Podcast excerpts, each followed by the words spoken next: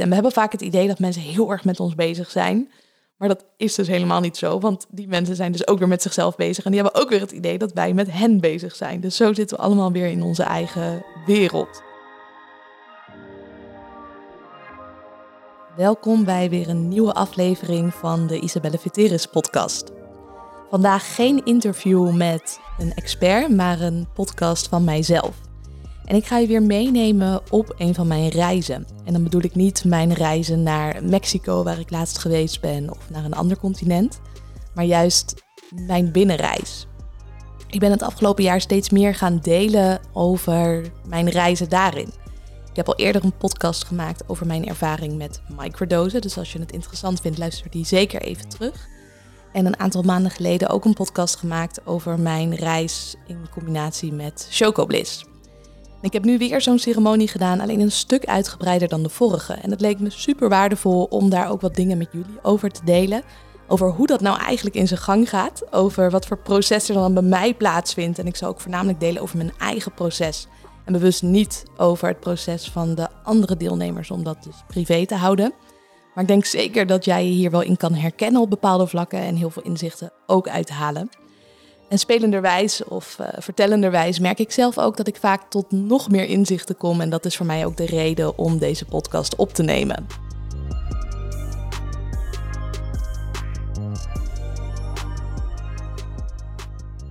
Een paar maanden geleden heb ik dus mijn eerste Chocobliss ceremonie gedaan. En het was in ceremonievorm. Dus dat betekent dat je op een bedje ligt en dat je daarin heel erg je eigen proces hebt. Ik had voor die ceremonie een zakje met uh, chocobliss besteld.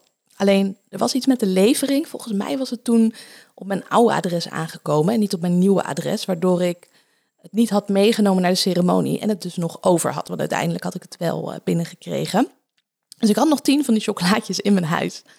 En in de vorige podcast had ik ook al gedeeld van dat ik waarschijnlijk het nog wel vaker zou doen. En dan wellicht ook niet de ceremonie voor, maar op eigen initiatief. Dat heb ik ook een aantal keren gedaan. Vooral uh, samen dus met anderen, maar waarbij je dan wel kan praten en heel veel inzichten kan delen. Dus je bent iets minder gefocust op je eigen proces, maar je gaat vooral samen daar heel erg in op. En dat was heel erg fijn om samen te doen, maar ik had nu ook wel weer de behoefte om het juist in ceremonievorm te doen, omdat je dan wel wat lager dieper gaat. Dus in samenwerking met degene die het de vorige keer ook had georganiseerd, heb ik nu de ceremonie zelf georganiseerd en dan ook bij mij thuis. Dus ik vond het ook best wel spannend, omdat het heel kwetsbaar is om tegen andere mensen te zeggen van... hey, ik ga een ceremonie organiseren, we gaan echt een hele diepe reis maken. Ga je meedoen? En toch uh, heb ik dat gedaan en ik wilde het ook iets anders vormgeven dan de vorige ceremonie. Dus in de vorige ceremonie lag de nadruk heel erg op de vrouwelijke kracht. En aan het einde van de ceremonie dachten we, wow, wij zijn zo krachtig als vrouwen. We hebben zulke sterke energie, maar we hebben ook mannen nodig om dat natuurlijk te kunnen dragen. En we gingen nog net niet naast onze eigen voeten lopen dat we dachten, ja, we zijn zo krachtig. Welke man kan dit nou aan? En dat wilden we ook gaan ervaren. Dus vandaar mijn keuze om een ceremonie te organiseren en ook mannen daarbij uit te nodigen. En om er ook voor te kiezen om een van de begeleiders een, voor een man te kiezen in plaats van alleen maar vrouwen. Dus er was één mannelijke begeleider en één vrouwelijke begeleider bij. En op die manier heb ik dus een ceremonie georganiseerd. Ik heb er drie andere mensen bij gevraagd. Eigenlijk vier. Uh, maar uiteindelijk waren we dus met drie mensen plus ik, plus de twee begeleiders. Waarvan drie vrouwelijke deelnemers en één mannelijke deelnemer. We deden het dus bij mij in Leiden. En aan de ene kant is het heel fijn om die controle dus te hebben. Dat je precies weet waar het is, dat je alles kan regelen. En aan de andere kant merkte ik ook, en dat is nu terugkijkend op de ceremonie, hoe fijn het is om dingen juist uit handen te geven. Dat je dit niet zelf hoeft te organiseren en daar zelf ook niet over na hoeft te denken.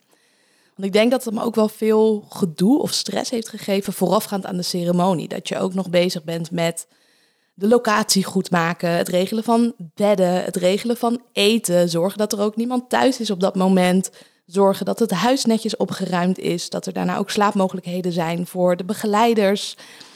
Ik zou dat een volgende keer denk ik anders doen. Maar ik vond het wel fijn dat ik op die manier de regie had in hoe ik de ceremonie wilde hebben. Wat de insteek zou zijn van de ceremonie en wat de energie zou zijn ook vanuit de groep. En nu ik achteraf terugkijk, denk ik, misschien is het ook wel eens gaaf om het met alleen maar mensen te doen die je juist niet kent. Ik kende nu al deze mensen, behalve dan een mannelijke begeleider, die heb ik toen leren kennen. Maar daar zal ik straks ook meer met je over delen van tijdens mijn reis. Dat ik me denk ik juist makkelijker kan openstellen bij mensen die ik niet ken, dan mensen die je wel kent en waarbij je dus allerlei patronen al hebt ontwikkeld. Terug nog even dus naar deze ceremonie. Ik had hem gepland afgelopen vrijdag en we zouden om één uur s middags van start gaan. Om half twaalf kwamen de beide ceremonieleiders al bij ons thuis. Ik spreek over ons thuis. Ik heb meerdere woningen waar ik dus gebruik van maak. Ik woon nu zelf in Weesp. Deze woning in Leiden, daar uh, maakte ik nu gebruik van voor de ceremonie. Dus daar ging ik het doen omdat daar ook een uh, grotere woonkamer was. Dus om half twaalf kwamen zij langs om alles klaar te maken, om dat uh, fysiek klaar te maken, dus spullen klaar te zetten, zoals het altaar, zoals het afdekken van de ramen, maar ook om de ruimte energetisch te reinigen. Ik weet eigenlijk niet hoe ze dat nu precies hebben gedaan.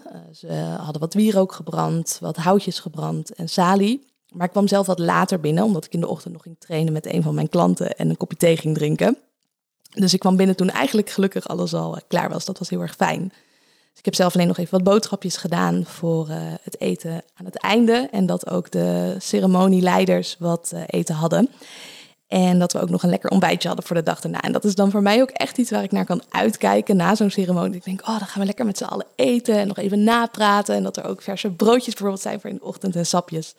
Je hoort het misschien wel aan mijn stem. Daar kan ik gewoon heel erg van genieten. En ik denk dat het ook te maken heeft met mijn liefdestaal mijn liefdestaal is echt dienen. En dan kan ik gewoon genieten dat anderen daar ook van aan het genieten zijn. Dus met die energie was ik om één uur s middags thuis, klaar voor de ceremonie. En wachten we nog even tot iedereen binnen was. En gingen we met z'n allen ja, klaar zitten.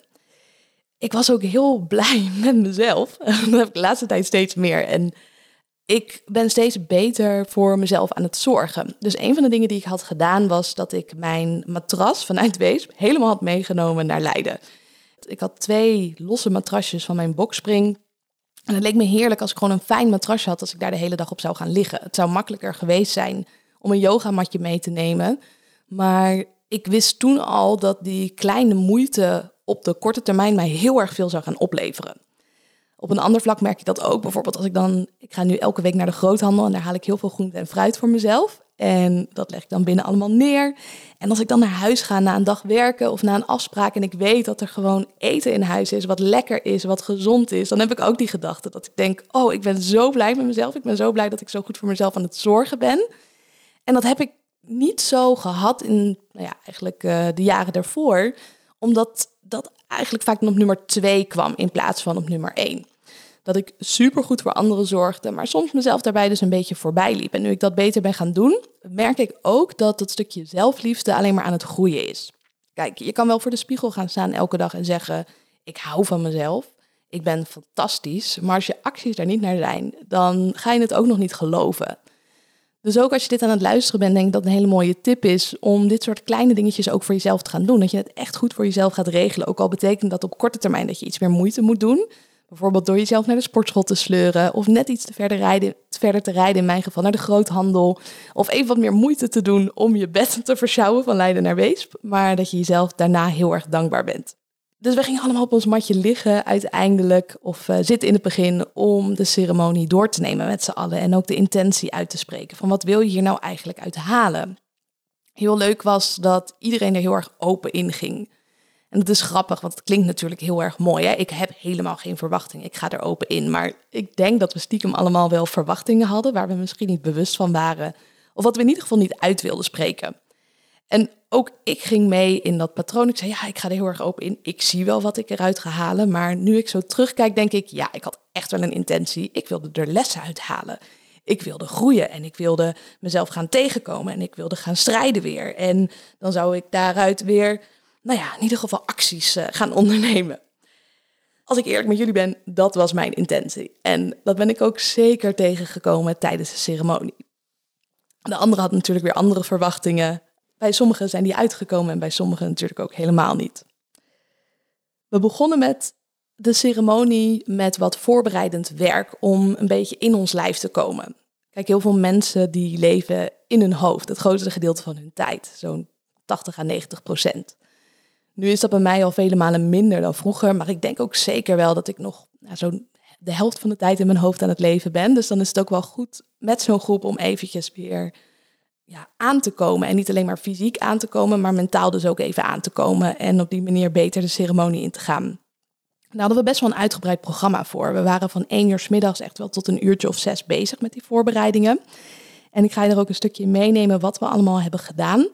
En dat jij niet vijf uur per dag met deze oefeningen natuurlijk bezig hoeft te zijn, maar dat je er misschien wat kleine dingetjes uit kan pakken. Dat je denkt, ja, daar kan ik wat mee en dat kan ik ook gebruiken in mijn dagelijkse leven om meer in mijn lijf te komen. Het eerste wat we gingen doen was BRTT, Body Release Trauma Therapy. Ik spreek vaak over dat reptiele brein wat we allemaal hebben. En op het moment dat er gevaar dreigt, dan willen we vechten, vluchten of bevriezen. Er komt dan adrenaline in ons lijf, zodat we ons klaar kunnen maken om een van die dingen te doen. Alleen fysiek gezien kunnen we dat heel vaak niet. Dus mentaal gezien doen we dat wel. En dan gaan we in onze gedachten ergens tegen vechten. Of we vluchten in ons hoofd. Of we bevriezen, we denken even helemaal niks meer. Maar ons lijf wil dat eigenlijk ook. En omdat dat vaak niet gepast is in een bepaalde situatie, doen we dat niet. En slaat ons lijf die trauma's op. En een trauma klinkt heel erg zwaar, maar is eigenlijk gewoon een reactie van je lijf geweest wat het niet kon uiten. En die energie slaat zich dus in je lijf, vaak rond je torso, op. Ben je dus helemaal niet bewust van. En ik merk dat vaak als mensen met mij gaan werken of op een andere manier met hun mindset aan de bak gaan, dat ze heel emotioneel kunnen worden zonder dat ze een idee hebben waar dat vandaan komt. Dat heeft vaak dus te maken met die opgeslagen trauma's.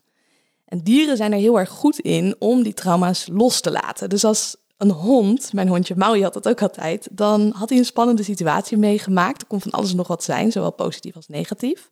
Maar dan daarna ging hij altijd even schudden met zijn uh, billen, met zijn staart. En zo raakte hij de spanning kwijt. Alleen wij mensen doen dat niet door nou ja, allerlei redenen. We vinden dat raar, het is ongepast in een bepaalde situatie of hebben het niet geleerd. Dus wij slaan die trauma's in onszelf op en die blijven daar zitten zolang we daar niks mee doen. En we hebben een aantal oefeningen gedaan om je voor te bereiden om die trauma's dus wel los te kunnen laten. Dus we hebben zeven verschillende oefeningen gedaan. Een deel daarvan waren rekoefeningen en een deel daarvan was meer een, een, krachtoefening wat je moest vasthouden om bepaalde spieren dus te activeren. Na die zeven oefeningen moest je gaan liggen op je rug en je benen krom houden. En dan begonnen je benen gewoon te trillen. En als je dat een beetje doorzette, dan begon je lichaam ook mee te trillen. En ongecontroleerd. En je moet je daar echt aan overgeven. Dus ik vond het leuk om te spelen met mijn lijf en met mijn geest. Op het moment dat ik met mijn geest zei: Oké, de trillen, het is nou wel mooi geweest. Ik heb een beetje gek, ik heb er geen zin in. Dan begon mijn been ook echt minder te trillen. En dat ik dan meer losliet, als ik daar minder aan dacht en minder beperkende overtuigingen daarover had, dan ging mijn lichaam eigenlijk wel dat werk doen. Dus je lichaam is vaak veel slimmer dan je geest. Die weet al wat je nodig hebt en met je geest beperk je dus je lijf heel erg. Voor de andere mensen in de groep waren deze oefeningen nieuw. Voor mij niet. En dat is wel leuk om even te vertellen dat ik een hele tijd natuurlijk samen met Damien Beenakker heb gewerkt.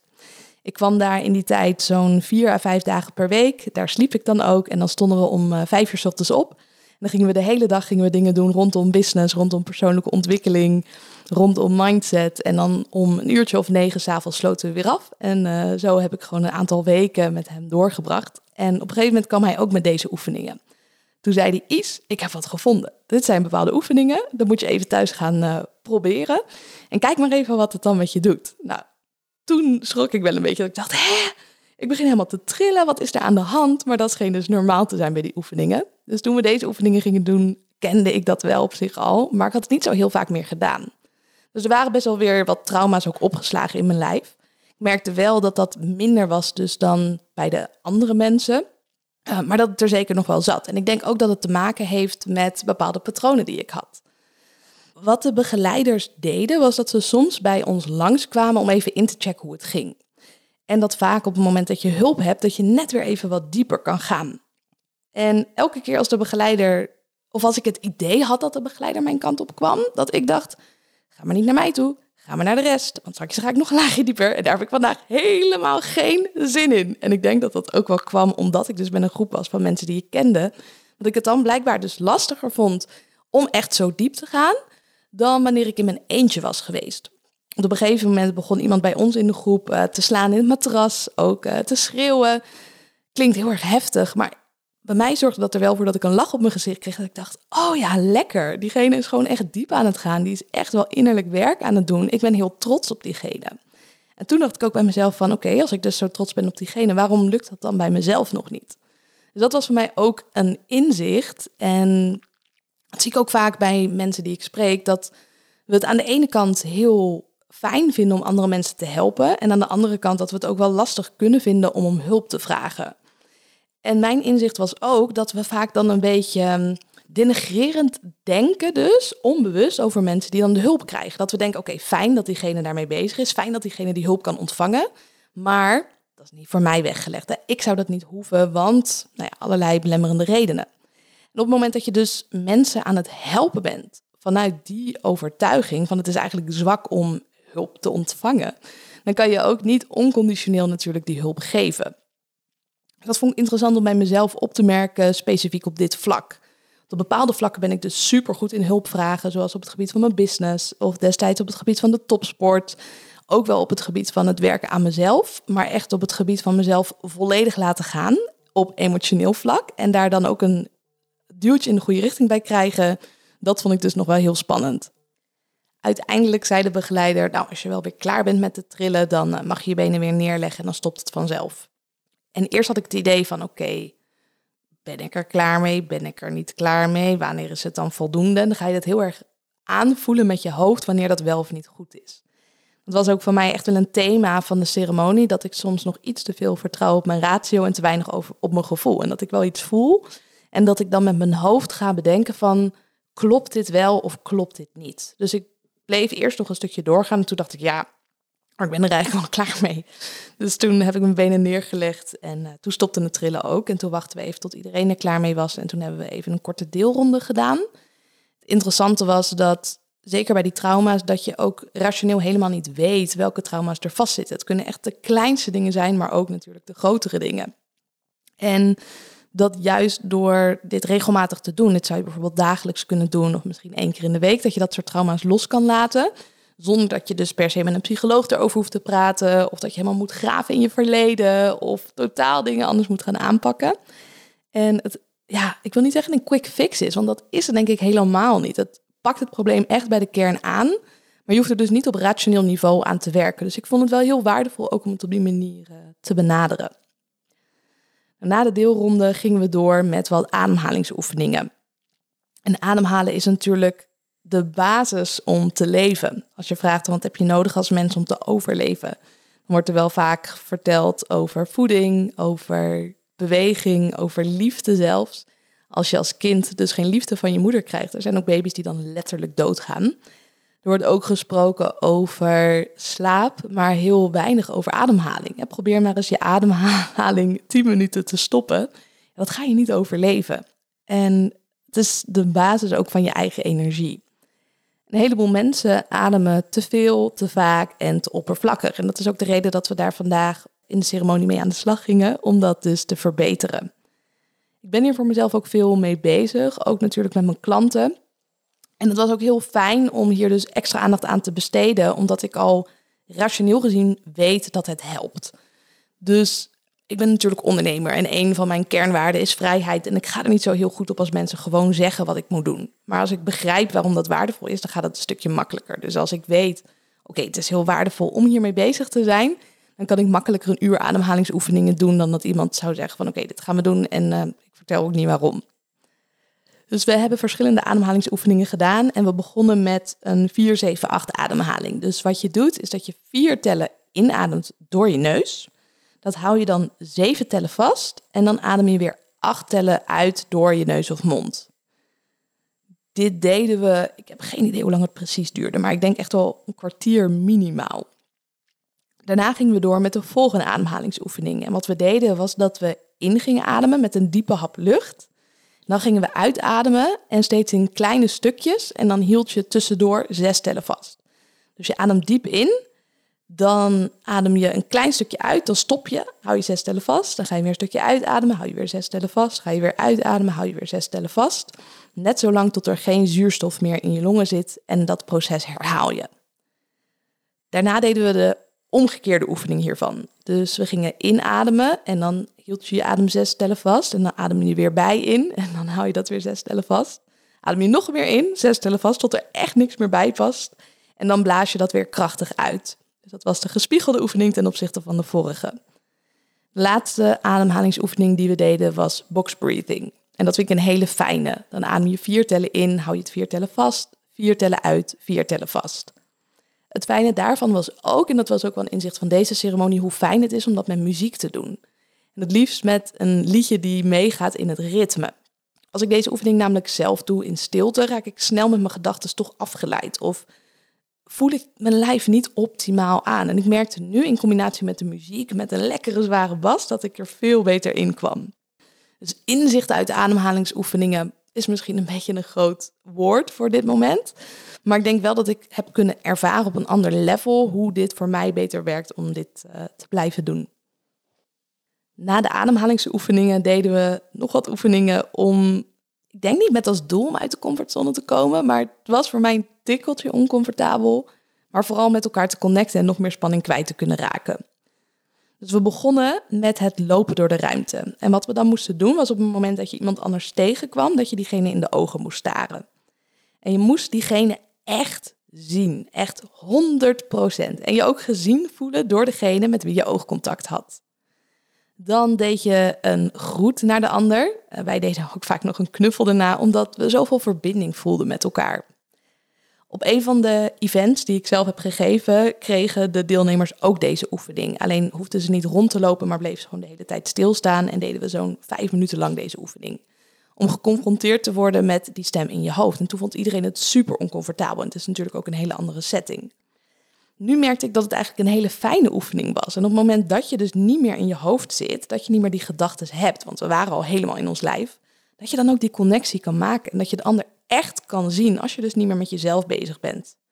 Dat je die connectie maakt vanuit je lijf, vanuit je hart en dus niet vanuit je hoofd en een mentaal construct wat je dan hebt over hoe een relatie met iemand zou moeten zijn of hoe een contactmoment met iemand zou moeten zijn. En ik merkte daarin ook hoe fijn ik dus kon connecten met iedereen die er was. En dat het ook extra vertrouwen gaf voor degene die ik nog niet kende. Om daarmee daarna de ceremonie in te gaan. Dus de mannelijke begeleider, die kende ik nog niet. En in deze staaroefening had ik echt een hele bijzondere connectie met hem. Dus we keken elkaar dan een paar minuten aan en we gaven elkaar daarna ook een hele intense knuffel. En het voelde ook heel veilig. Ik dacht, ja, ik ben echt precies op de goede plek hier. Na de staaroefening, zoals ik hem maar eventjes noem, gingen we een andere oefening doen. Dus we gingen met z'n allen in een kring staan. En we gingen ervoor zorgen om nog die laatste spanning die in ons lijf zat, dat we die kwijt zouden raken. Dus hoe we dat deden was om in het begin met onze handen te wapperen. Dus die ga je heel heftig wapperen. Ik ben het nu ook aan het doen, maar dat kan je niet zien, want deze podcast is niet op camera. Maar je wappert gewoon met je handen om op die manier de spanning kwijt te raken. En op een gegeven moment dan gaan ook je onderarmen mee wapperen of misschien je schouders. En we gingen ook met onze voeten op de grond stampen en ook een geluid erbij maken. Dus je kan het een beetje vergelijken met de horse van Wim Hof, dat je hoe, ha doet om er wat kracht bij te zetten. En daarna gingen we ook de laatste spanning in je lijf kwijtraken door geluid te maken. Door volledig aanwezig te zijn en je te laten horen. Ook heel leuk om te vertellen is dat ik bij mijn jaarprogramma voor ondernemers de ceremoniebegeleider ook heb laten komen. Toen niet met plantmedicijnen, maar wel met dit soort oefeningen. En toen gingen ze ook eh, dus geluid maken om spanning kwijt te raken. En ik deed toen zelf niet mee, maar ik heb toegekeken bij de groep. En ik zag ook hoe uh, ongemakkelijk dat voor sommige mensen was en hoe gemakkelijk dat voor sommige mensen was. En hoe fijn het is als je het uiteindelijk hebt gedaan, dat je dan die spanning kwijtraakt. En toen gingen wij het doen.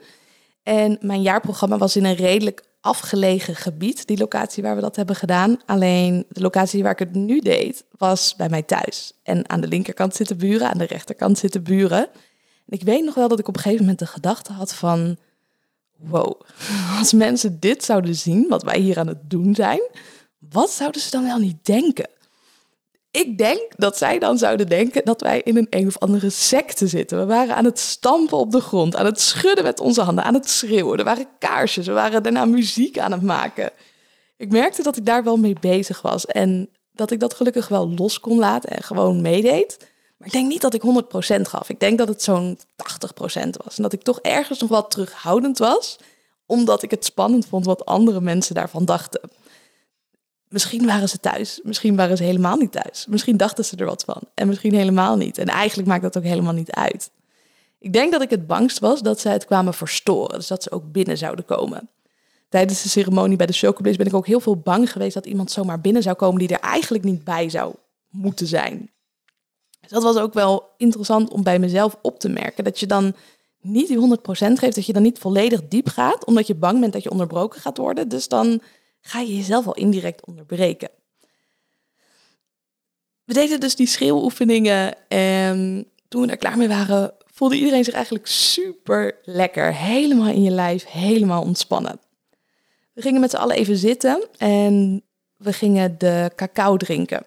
Dus het is niet dezelfde cacao als wat je normaal gesproken in de winkel koopt. Het is geen chocola, maar het is onbewerkte cacao, 100%. En daar had ze wat dingetjes bij gedaan, zoals kaneel, kurkuma, uh, gember misschien ook nog, uh, sinaasappel.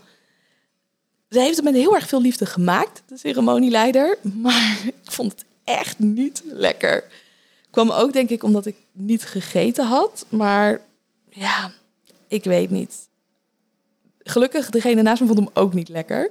De anderen vonden hem wel lekker. Ik heb hem maar gewoon opgedronken omdat ik dacht, ja, ik heb al de hele dag niet gegeten. Dus ik moet in ieder geval iets binnenkrijgen. Maar dat helpt in ieder geval om je hart meer te openen en om dus meer in je lijf te komen. Na het drinken van de cacao gingen we met z'n allen liedjes zingen. Dus de begeleider die had allemaal songteksten uitgeprint. En het was heel leuk omdat zij liederen had gekozen vanuit verschillende continenten. Dus vanuit Afrika, vanuit Zuid-Amerika, vanaf Noord-Amerika, vanuit Azië. En we hebben samen die liedjes gezongen. En het maakte niet uit of je nou de woorden goed kon uitspreken, of de tekst helemaal kende, of muzikaal talent had. Maar het ging er vooral om dat we gewoon lekker met z'n allen bezig waren. En het voelde eigenlijk bijna alsof ik in een soort tribe zat waarin we alleen maar hoefden te zijn en dus alleen maar liedjes hoefden te zingen en het helemaal los stond van je eigen prestatie. Het maakt helemaal niet uit wat de kwaliteit was, als je maar gewoon daarin lekker bezig was. Na het zingen was het tijd om de chocobliss te nemen. En daarin hebben we nog een klein avontuurtje meegemaakt. Dus ik vertelde al eerder in deze podcast dat ik bij mijn eerste ceremonie, dus de Chocobliss besteld had en dat het verkeerd geleverd was, waardoor ik het niet meenam en gelukkig was er voldoende. Nou, dit keer hadden we dus al onze spullen uit Weesp klaargelegd om mee te nemen naar Leiden, behalve de Chocobliss. Want die moet bewaard worden in de koelkast. Dus het leek mij heel handig om die op het allerlaatste moment te pakken. Nou, we kwamen dus donderdagavond in Leiden aan. We gingen slapen en toen dacht ik, oeps, ik ben de chocobliss vergeten. We gaan een chocobliss ceremonie doen. Wat is het enige wat ik vergeet? Natuurlijk de chocobliss. Dus ik dacht al, straks moet ik de dag daarna nog een keer op en neer naar Weesp om die dingen te halen. Want het is ook niet alsof je dat eventjes bij de Albert Heijn kan halen of zo. Dus wij hadden een berichtje gestuurd naar de ceremonieleider van joh, dit is er aan de hand heb jij misschien wat extra? Nou, gelukkig had zij een hele grote doos, bijna een bonbondoos met die chocolaatjes erin. Dus het kwam allemaal goed. En achteraf gezien denk ik, ja, misschien had het wel weer zo moeten zijn. misschien rust er ook indirect een vloek op dat ik mijn eigen chocobliss meeneem naar een ceremonie. Of misschien wil het mij vertellen dat ik het hier thuis nog een aantal keren moet doen. Nou, geen idee wat de betekenis was. Dat vond ik ook nog even leuk om met jullie te delen. Dus het waren alweer niet mijn eigen chocolaatjes, maar we gingen wel beginnen dus met het nemen van de chocobliss. En door die situatie had ik ook niet zo heel erg lekker geslapen. Ik was ook heel erg excited voor de ceremonie en aan de andere kant nog een beetje onrustig omdat ik nog wat dingen moest regelen. Dus uiteindelijk sliep ik om een uurtje of twaalf pas. Ik lag wel op tijd in bed, maar kwam niet echt in slaap. En ook was ik weer om zes uur ochtends wakker. Dus ik heb zo'n zes uur geslapen en toen gingen we de eerste chocolaatjes nemen. En we kozen er allemaal voor om een hele te nemen. Je hebt altijd de optie om te kiezen of je een halve wil of een hele. Ze kwamen niet met de optie om meteen te starten met anderhalf, maar misschien in mijn geval dat het wel een beter idee geweest was. Na het nemen van het eerste chocolaatje ben ik best wel snel al in slaap gevallen. Dat weet ik omdat ik dat ook terugkreeg van mijn buurvrouw. Blijkbaar heb ik een beetje geluid gemaakt bij het slapen. Maar ik merkte het zelf ook wel dat ik wakker werd gemaakt door de ceremonieleider na een uur van... Isabel, er is een uur voorbij. Heb je al wat gemerkt? Wil je nog wat bijpakken of is het goed zo? Toen dacht ik, hmm, ik heb nog niet zo heel veel gemerkt. Ik denk dat het een goed idee is om bij te pakken. Dus toen heb ik weer een heel chocolaatje genomen. En opnieuw had iedereen een heel chocolaatje bijgenomen, omdat niemand eigenlijk echt wat merkte. Behalve mijn buurvrouw, die ging wel hartstikke lekker, maar volgens mij heeft ze ook bijgepakt. Nou, toen begon een beetje mijn reis. Ik kan niet zeggen dat ik een fantastische reis heb gehad. Ik kan ook niet zeggen dat ik een vreselijke reis heb gehad. De vorige keer had ik echt een ego-trip, dus toen was het een heel groot gevecht tegen mezelf. Dit keer was ik meer ja, veel aan het nadenken. En op een gegeven moment lukt het wel om die gedachten weer van me af te zetten. En dan had ik weer gedachten en dan ging ik weer nadenken. Ook leuk om nog even te vertellen is dat voordat we de chocolaatjes kregen, we ook verschillende kaarten kregen om het thema van de ceremonie aan te duiden. Het interessante van die kaarten is dat we soms denken van ja, wat is dan oorzaak en gevolg? Hè? Trekt iemand een kaartje voor je en voorspelt die kaart dan de toekomst? Of is die toekomst er al en kan die kaart uit die toekomst stappen? Of is het maar net je eigen interpretatie van die kaart? Maakt eigenlijk rationeel gezien niet zo heel veel uit hoe het werkt, maar ik had dus drie verschillende kaarten gekregen. Mijn zusje had één kaart getrokken, want uh, zij is echt veel bezig met tarotkaarten lezen en heeft er ook verschillende lessen in gevolgd. En zij had voor mij een kaartje getrokken en dat ging over chaos in gedachten. Nou, hoe toepasselijk. Uh, een ander kaartje mocht ik kiezen op basis van wat me aansprak. En toen had ik een kaartje gekozen van paarse bloemen, want dat doet me heel erg denken dus aan mijn moeder.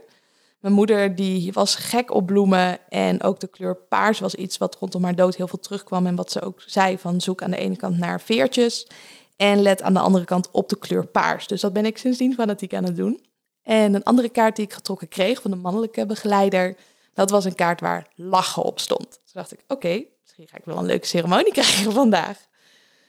Maar goed, daar zag ik dus in het begin nog niet zo heel erg veel van terug eerste deel heb ik dus geslapen. En het tweede deel was ik soms aan het denken en soms dus niet aan het denken en gewoon aan het liggen en aan het wachten tot het voorbij was, basically. Kwam ook wel doordat ik van tevoren dacht, ja, ik ga dus van één uur smiddags tot waarschijnlijk één uur s'nachts op een bedje liggen. Ga ik me niet vervelen? Wat ga ik dan doen? Wat nou als ik er klaar mee ben? Hoe ga ik dit tijd doorkomen? Dus dat was ook wel een beetje wat er aan het gebeuren was. Maar het voornaamste wat er aan het gebeuren was, was dat ik iets voelde dat ik op basis daarvan wat dacht en dat ik die gedachten ging overanalyseren. Waarom denk ik dit? Waarom voel ik dit? Hoor ik dit te voelen? Klopt dit? Klopt dit wel? Klopt het niet? Wat zou dit dan betekenen? Oké, ik moet minder denken. Ik ga het loslaten. En dan liet ik het weer los. Dus zo ging mijn trip een aantal uur, denk ik. Hele besef van tijd verlies je ook wel een beetje. Af en toe dan kom je er weer even uit, dan kijk je even om je heen, dan kijk je waar iedereen mee bezig is en dan ga je er weer terug in. Om een uurtje of half twaalf was ik er eigenlijk helemaal klaar mee met dat liggen. Dus ik ging rechtop zitten. Ik dacht, ja, wat ga ik doen? We hadden ook allemaal het idee dat er bepaalde regels waren bij de ceremonie. Dus dat we moesten liggen. Dat we in de ruimte moesten blijven. Dat we niet mochten praten. En aan de ene kant is het fijn natuurlijk als er bepaalde regels zijn voor de ceremonie. Want dat zorgt er wel voor dat je meer naar binnen kan keren. Maar ik merkte ook ergens dat het ons belemmerde. En hoe we dat ook weer konden vertalen naar het dagelijkse leven, waar jij mogelijk ook wat mee kan, is dat we vaak denken dat er regels zijn. Dat we ook denken dat we dingen wel of niet mogen, wat helemaal niet zo is. Dat we ons heel erg beperken door die zelfbedachte kaders. Dus op een gegeven moment dacht ik, ja, ik heb heel veel zin om naar buiten te gaan. Ik wist niet zo heel goed waarom. En mijn bedje lag ook bij de deur naar buiten. En er waren gordijnen voor, dus ik ging dan zo onder het gordijn door naar buiten kijken. het voelde bijna alsof dat stiekem was, alsof dat niet mocht of zo. Want dan zou er wat licht naar binnen komen misschien, terwijl het al donker was. Toen ik op een gegeven moment bedacht van, ik heb wel zin om naar buiten te gaan. Dus ik was eerst naar de keuken gegaan om een kopje thee te drinken. En de ceremoniebegeleiders, die hadden al wat gegeten, dus daar lag nog een stukje appel. Toen dacht ik, oh, ik heb echt heel veel zin in een stukje appel. Ik had me niet gerealiseerd dat de vorige ceremonie was ik ook in die nou ja, valkuil getrapt, is een groot woord. Maar aan het einde van de ceremonie kregen we toen een bakje met fruit. Dat zorgde er bij mij voor dat het medicijn weer extra inkikte. En dat heb ik in die ceremonie laatst weer gemerkt. Ik had het stukje appel gegeten en toen vroeg ik aan de ceremonieleider van, mag ik misschien naar buiten? En toen zei ze, ja, dat mag wel, dan loop ik even met je mee. Zij wist niet zo goed hoe mijn omgeving er natuurlijk uitzag. En dit is het buurhuis van waar ik ben opgegroeid. Dus ik wist dat precies. Dus ik liep de tuin in en toen zei ik, joh, als we hier het hekje doorgaan, dan kunnen we lekker naar het gras en dan kan ik met mijn blote voet op het gras lopen. Dat leek me echt heerlijk. Het had ook geregend volgens mij die dag. Het was overdag lekker weer en toen middags had het geregend, dus het gras was een beetje nat. De lucht was helemaal helder. Er waren wel wat wolken trouwens. Uh, op een gegeven moment zei de ceremonieleider ook tegen mij... oh, de wolken lijken een beetje op de tegels hier. Vond ik een leuke opmerking. Het was me niet eens opgevallen. Ik wilde gewoon naar het gras toe en met mijn blote voet in het gras lopen. Omdat dat ook voor ontlading schijnt te zorgen. Dus daar keek ik vooral naar uit. Ze stonden daar zo in die polder en zij was aan het genieten. Zei, oh, wat is het hier mooi. Wat is het hier heerlijk. En ik had zin in twee dingen. Ik had zin om te zwemmen buiten. Ik denk niet dat dat een heel goed idee was op dat moment. Maar ik had ook zin om dingen te gaan doen. Dat had ik binnen ook al. Ik dacht, ja, ik lig hier maar een beetje met z'n allen. Ik wil wat gaan doen. Ik heb zin in actie. Dus ik stond daar buiten en ik vond hem op een gegeven moment ook niet helemaal lekker meer worden. Dat zij zei, gaat het wel goed met je? En dat vond ik een moeilijke vraag, omdat ik heel erg gewend ben als mensen dat toch aan je vragen, om dan te zeggen, ja hoor, gaat prima. Niks aan de hand, maak je vooral geen zorgen over mij. Maar ik dacht, ik ga maar eerlijk zijn, dat lijkt me een beter idee. Dus ik zei, nou, het gaat eigenlijk niet zo heel goed. Denk ook niet dat dat heel eerlijk was. Ze zei, ze zullen maar weer naar binnen gaan. Toen dacht ik, ja, dat is wel een goed idee. Maar binnen leek me heel ver weg. Het was niet ver. Ik denk dat het maximaal 10 meter lopen was. Maar ik zag echt niet voor me hoe ik naar binnen zou gaan. Dus we gingen rustig aan, stapje voor stapje naar binnen. Ik denk, ja, ik zie dit echt niet zitten. Dit gaan we gewoon niet meer doen. Dus op een gegeven moment dacht ik, nou, bekijk het maar. Ik ga hier lekker liggen. Dus ik ging liggen in het gras. En oh, dat was echt heel fijn. Maar zij vond het iets minder fijn. Ze raakte, ehm, nou ja, paniek is misschien een grote woord. Maar ze dacht, ja, wat moet ik hier? Want Isabel ligt hier in het natte gras. Is ze was bang ook dat ik ziek zou worden, denk ik. En dat ik ook überhaupt niet meer op zou komen te staan. Dus zij ging de mannelijke begeleider ook halen erbij. Dus zij rende naar binnen en zij riep hem van, oh, je moet even komen. En toen kwam die en toen vond ik me eigenlijk alweer heel erg goed. Het was echt een minuut of twee dat ik er even uit was en daarna ging het weer prima. Dus zij wilde me overeind helpen en ik dacht, ja, komt die verdomde hulp weer. Ik heb hier helemaal geen zin in. Ze moeten zich al helemaal geen zorgen om mij maken. Dus ik sprong overeind. Ik zei, nee hoor jongens, het gaat weer hartstikke prima met mij. En ik zag ze echt kijken van, um, doe je wel voorzichtig. Dus uiteindelijk hebben ze me samen naar binnen geholpen. Ik voel me eigenlijk ook wel weer prima op dat moment. Maar voor de zekerheid dat als het dan niet helemaal lekker zou gaan, dat ze er wel bij zouden zijn. Ik denk dat dat voor mij wel het grootste inzichtmoment was. Dat ik heel vaak zeg van het gaat allemaal wel prima. Of het gaat als het niet helemaal lekker gaat, of eigenlijk helemaal niet lekker, zeg ik dat het niet helemaal lekker gaat, dat ik, ik dat aanpas, denk ik, zodat andere mensen zich geen zorgen om maken. En ik denk dat ik dat dus ook tegen ben gekomen in de ceremonie op dat moment. Dat ik misschien geen hele lange ceremonie nodig heb gehad om daar achter te komen, maar aan de andere kant natuurlijk ook weer wel. Ik ging de ceremonie dus ook in met het idee van, ik moet allemaal inzichten krijgen. En de andere deelnemers van de ceremonie hebben gewoon een superleuke reis gehad. Die hebben het onwijs naar hun zin gehad. En ik ga er vaak in met dit soort dingen van ik moet er iets uithalen. Achteraf gezien denk ik van nee, dat hoeft helemaal niet. Je hoeft niet elke keer dingen te doen om er lessen uit te halen, om er beter in te worden.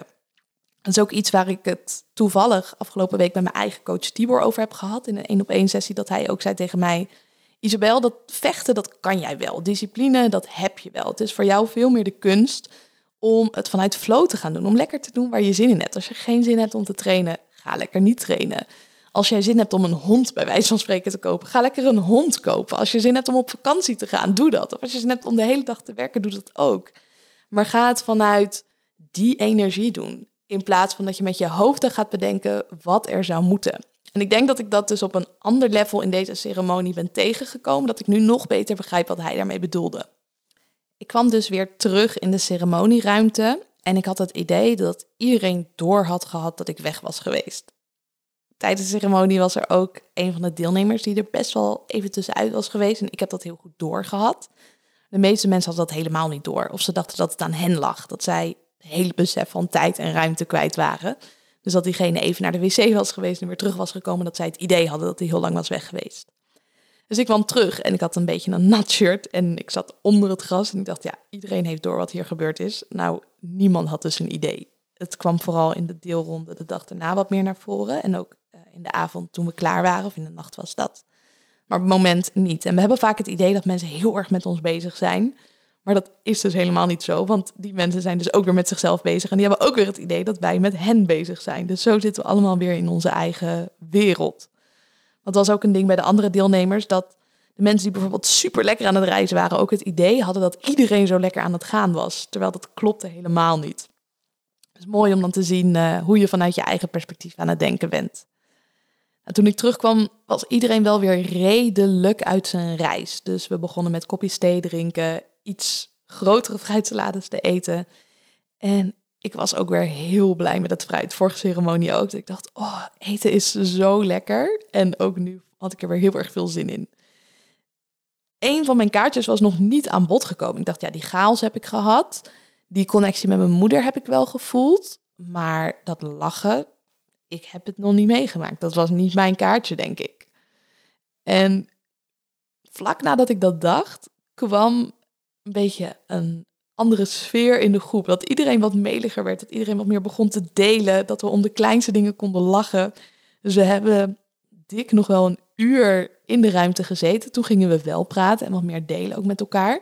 We zaten nog een beetje tussen hemel en aarde in, denk ik. Een deel nog in de trip. En op die manier konden we een beetje landen erin. Daarna zijn we uit de ceremonieruimte gegaan om in de keuken nog even te eten en nog even na te praten. En daarna gingen wij in ieder geval terug naar de ceremonieruimte. En met wij bedoel ik de deelnemers. Is een van de begeleiders naar huis gegaan en een van de begeleiders is blijven slapen. De volgende dag had ik om zeven uur een call ingepland met mijn vastgoedcoach. Deze stond al vast. Ik ben namelijk nu twee weken met de coaching bezig en we zijn met een live dag begonnen en daarna bellen we om de week. En we doen dat op de zaterdagochtend om 7 uur. En toen we die afspraak maakten, dacht ik, ja, geen probleem. 7 uur is helemaal mijn tijd. Vind ik zelfs nog een beetje laat. In dit geval was het niet zo heel handig. En ik had er wel over nagedacht, van zal ik de call verplaatsen? En aan de andere kant dacht ik, ja, mijn vorige ceremonie was er ook een meisje bij die in de ochtend ging bellen. En dat ging helemaal prima. En ik voelde me ook in de ochtend helemaal prima. Nu was dat op zich ook wel zo. Het was niet dat ik die call niet had kunnen doen. Maar het was vooral dat ik dan tijdens de ceremonie bezig was met... Oh, ik moet niet vergeten om een wekker te zetten. En morgen moet ik om zeven uur op. En nou, dat neemt toch weer even space en dat gaat toch weer ten koste van je proces. Dus een les voor mezelf voor de volgende keer zou zijn om iets meer ruimte dus rondom de ceremonie in te plannen. Bijvoorbeeld dan die ochtend misschien niet te werken. Of als ik zou willen werken, dat ik dan in ieder geval zorg dat alles klaar staat. Of de dag daarna nog meer ruimte in te plannen. Want ik had wel het weekend vrij, maar ik had dan die call wel om zeven uur s ochtends. Nou, dat was dus niet zo heel handig. Gelukkig wel een hele waardevolle call. Na de call gingen we de ruimte een beetje opruimen, alles weer klaarmaken, auto inladen en hebben we nog met z'n allen ontbeten buiten. En dat was echt heerlijk, want het zonnetje scheen en ik had natuurlijk al dat lekkere eten gehaald. Daar werd ik ook heel blij van. De ceremonieleider die naar huis was gegaan, die was teruggekomen om samen met ons dus af te kunnen sluiten. En na het ontbijt dus nog ook een deelronde te kunnen doen. Waarbij iedereen dan een stukje kon delen over zijn eigen inzichten. Op het moment dat je een plantmedicijn neemt, ga je natuurlijk tijdens de ceremonie al heel veel inzichten krijgen, maar het werkt ook nog even door. Dus ik merkte ook wel echt bij mezelf de afgelopen dagen dat het nog door heeft gewerkt en dat ik ook extra bewust was van wat ik dacht, wat ik voelde dat het me steeds beter ook lukte om bepaalde gedachten van me af te zetten. Waar ik dan soms geneigd ben om in de ochtend mijn to-do-list in mijn hoofd te herhalen. Ik denk, oh ja, vandaag is het zaterdag, ik moet dit doen, ik moet dat doen, ik moet zus doen, ik moet zo doen. Dat ik nu wat makkelijker kon zien van, hé, hey, ik ben dan weer aan het denken. Dit werkt helemaal niet voor mij, ik stop ermee. Dat ik dacht, wow, het lukt me steeds beter om die gedachtenstroom in mijn hoofd te stoppen. Om gewoon te bepalen, dit denk ik niet. Dat heb ik nooit super goed gekund. Ik kon wel goed rust in mijn hoofd krijgen en dan meestal met bepaalde oefeningen of door er even de tijd voor te nemen. Maar probeer maar eens te denken, denk niet aan de roze olifant. En dan ga je juist denken aan die roze olifant. Dus de strategie die ik lang heb gehanteerd was om te denken dan aan die witte ijsbeer. Dus om het te vervangen door iets anders. En nu lukt het me steeds beter, en dat komt mede door de ceremonie en mede door ander mentaal werk, om gewoon echt helemaal zelf te zeggen, nee, ik ga dit nu niet denken. En dan kan ik het ook steeds beter loslaten mogelijk uh, gaat het medicijn de komende dagen ook nog wel doorwerken. En dan moet je niet denken van, oh, dan ben je gewoon super hard aan het trippen. Maar je merkt bij jezelf dat je gewoon nog wat opener staat. Dus je bent wat gevoeliger voor energie. Ik merkte ook dat ik wat emotioneler was de afgelopen dagen. En dat is ook wel weer heel erg fijn. Dat als er iets gebeurt wat ik niet fijn vind, dat ik dan heel snel bij mijn emotie kom, dan eventjes kan huilen en dan is het er ook uit. In plaats van dat je dat dus allemaal gaat opslaan voor jezelf. Wat ik er dus vooral uit heb gehaald, is dat ik wel nog relaxter ben geworden aan de hand van de ceremonie. Die gedachtenstroom dus makkelijker stop kan zetten. En ik had de intentie om liefde meer toe te laten en om ehm, de terughoudendheid los te laten. En in het begin van de ceremonie dacht ik daarom, oh, ik moet misschien nog harder gaan werken, nog productiever gaan werken, terwijl ik daar helemaal niet achter sta. Ik denk dat die terughoudendheid dan ook op de andere vlakken is. Dus minder terughoudend zijn in business, maar ook minder terughoudend zijn in rust en minder terughoudend zijn in het liefhebben van de mensen om me heen. Dat heb ik ook wel gevoeld in de ceremonie en de dagen daarna, dat dat voor mij wel een groot verschil heeft gemaakt.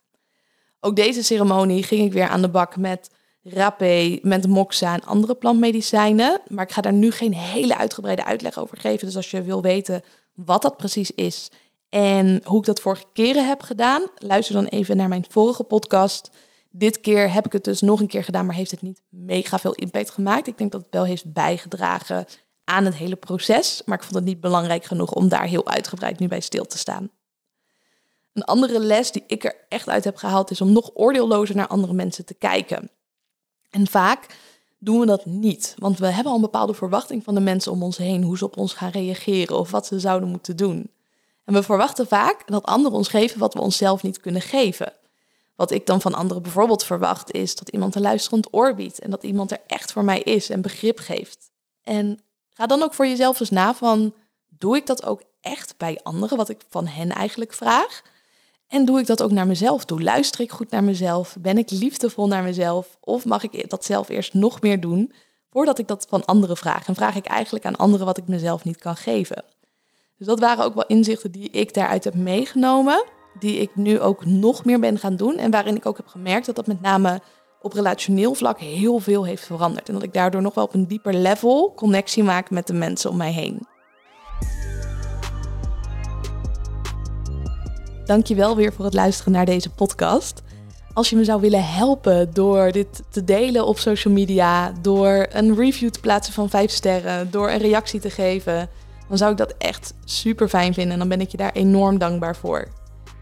Als je deze podcast luistert, dan betekent het waarschijnlijk ook dat je bezig bent met je persoonlijke ontwikkeling. Dat je al heel erg veel misschien erover weet, maar dat het je niet lukt om in actie te komen. Dat is ook precies de reden dat ik een boek daarover heb geschreven. Het heet Stoppen met uitstellen, hoe je met een topsportmentaliteit in actie komt. Ik zal sowieso even een linkje in de show notes plaatsen, maar je kan het bestellen voor minder dan twee tientjes via mijn website isabelleveteris.com slash boek. Of je kan hem gewoon bestellen via bol.com. Superleuk uh, als je dat doet. En dan uh, ga ik een persoonlijk kaartje voor je erbij doen en dan krijg je hem op je deurmat. Tot de volgende aflevering.